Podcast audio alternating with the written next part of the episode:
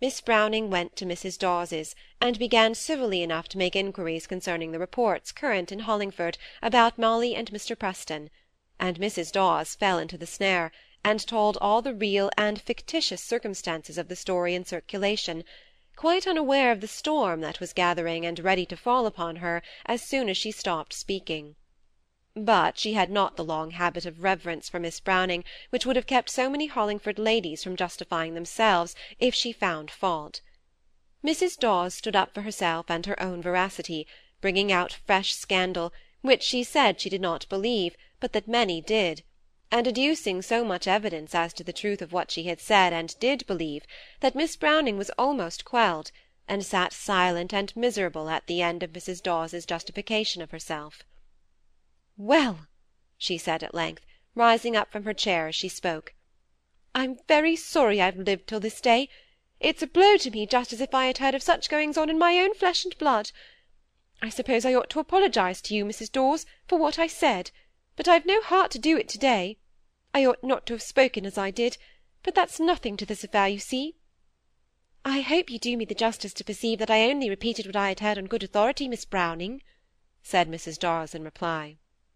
My dear, don't repeat evil on any authority, unless you can do some good by speaking about it," said Miss Browning, laying her hand on Mrs. Dawes' shoulder.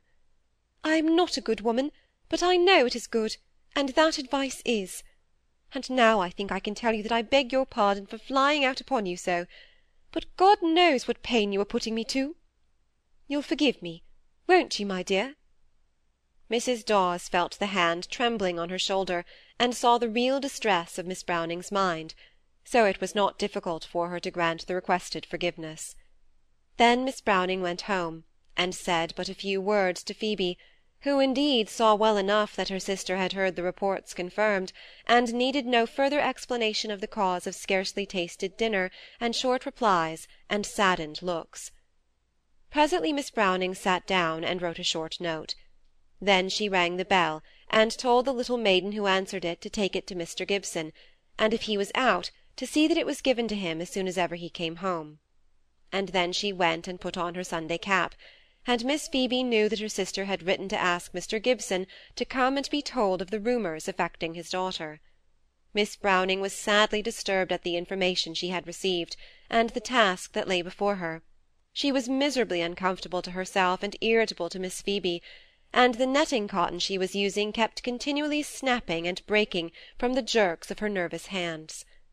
When the knock at the door was heard, the well-known doctor's knock, Miss Browning took off her spectacles and dropped them on the carpet, breaking them as she did so, and then she bade Miss Phoebe leave the room, as if her presence had cast the evil eye and caused the misfortune.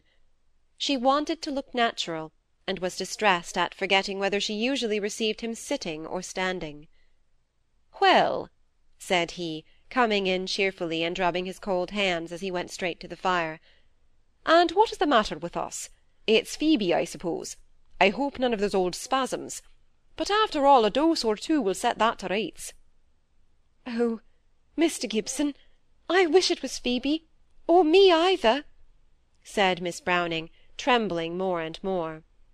He sat down by her patiently when he saw her agitation, and took her hand in a kind, friendly manner. "Don't hurry yourself. Take your time. I dare say it's not so bad as you fancy, but we'll see about it. There's a great deal of help in the world, much as we abuse it." "Mr. Gibson," said she, "it's your Molly I'm so grieved about. It's out now, and God help us both, and the poor child too for I'm sure she's been led astray, and not gone wrong by her own free will." "Molly," said he, fighting against her words, "what's my little Molly been saying or doing?" "Oh, Mr. Gibson, I don't know how to tell you. I never would have named it, if I had not been convinced, sorely, sorely against my will." "At any rate, you can let me hear what you've heard," said he, putting his elbow on the table, and screening his eyes with his hand. Not that I'm a bit afraid of anything you can hear about my girl," continued he. "Only in this little nest of gossip it's as well to know what people are talking about." "They say—oh, how shall I tell you?" "Go on, can't you?" said he, removing his hand from his blazing eyes. "I am not going to believe it, so don't be afraid." "But I fear you must believe it. I would not if I could help it. She's been carrying on a clandestine correspondence with Mr. Preston." "Mr. Preston!" exclaimed he. "And meeting him at all sorts of unseemly places and hours, out of doors, in the dark, fainting away in his his arms, if I must speak out.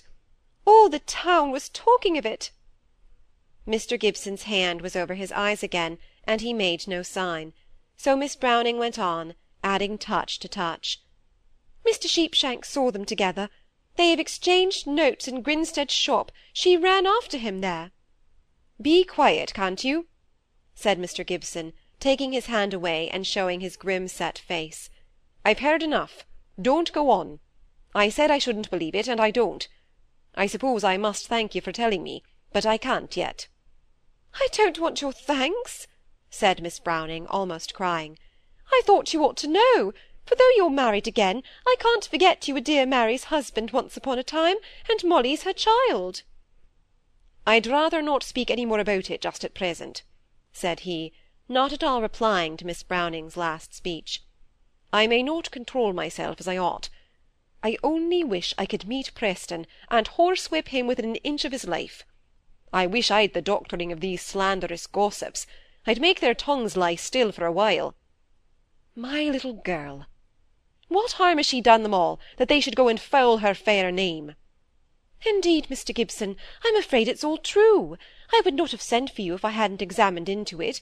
Do ascertain the truth before you do anything violent, such as horsewhipping or poisoning." With all the inconsequence of a man in a passion, Mr. Gibson laughed out. "What have I said about horsewhipping or poisoning? Do you think I'd have Molly's name dragged about the streets in connection with any act of violence on my part? Let the report die away as it arose. Time will prove its falsehood." "But I don't think it will, and that's the pity of it," said Miss Browning. "You must do something, but I don't know what." "I shall go home and ask Molly herself what's the meaning of it all. That's all I shall do. It's too ridiculous. Knowing Molly as I do, it's perfectly ridiculous." He got up and walked about the room with hasty steps laughing short, unnatural laughs from time to time. Really, what will they say next? Satan finds some mischief still for idle tongues to do. Don't talk of Satan, please, in this house. No one knows what may happen, if he's lightly spoken about," pleaded Miss Browning. He went on, without noticing her, talking to himself. I've a great mind to leave the place. And what food for scandal that piece of folly would give rise to! Then he was silent for a time, his hands in his pockets, his eyes on the ground, as he continued his quarter-deck march. Suddenly he stopped close to Miss Browning's chair. "I am thoroughly ungrateful to you, for as a true mark of friendship as you've ever shown me. True or false, it was right I should know the wretched scandal that was being circulated, and it couldn't have been pleasant for you to tell me it. Thank you from the bottom of my heart." "Indeed, Mr. Gibson, if it was false, I never would have named it, but let it die away." "It's not true, though," said he doggedly, letting drop the hand he had taken in his effusion of gratitude. She shook her head. "I shall always love Molly for her mother's sake," she said. And it was a great concession from the correct Miss Browning. But her father did not understand it as such. "You ought to love her for her own. She has done nothing to disgrace herself. I shall go straight home, and probe into the truth." As if the poor girl who has been led away into deceit already would scruple much at going on in falsehood! was Miss Browning's remark on this last speech of Mr. Gibson's, but she had discretion enough not to make it until he was well out of hearing.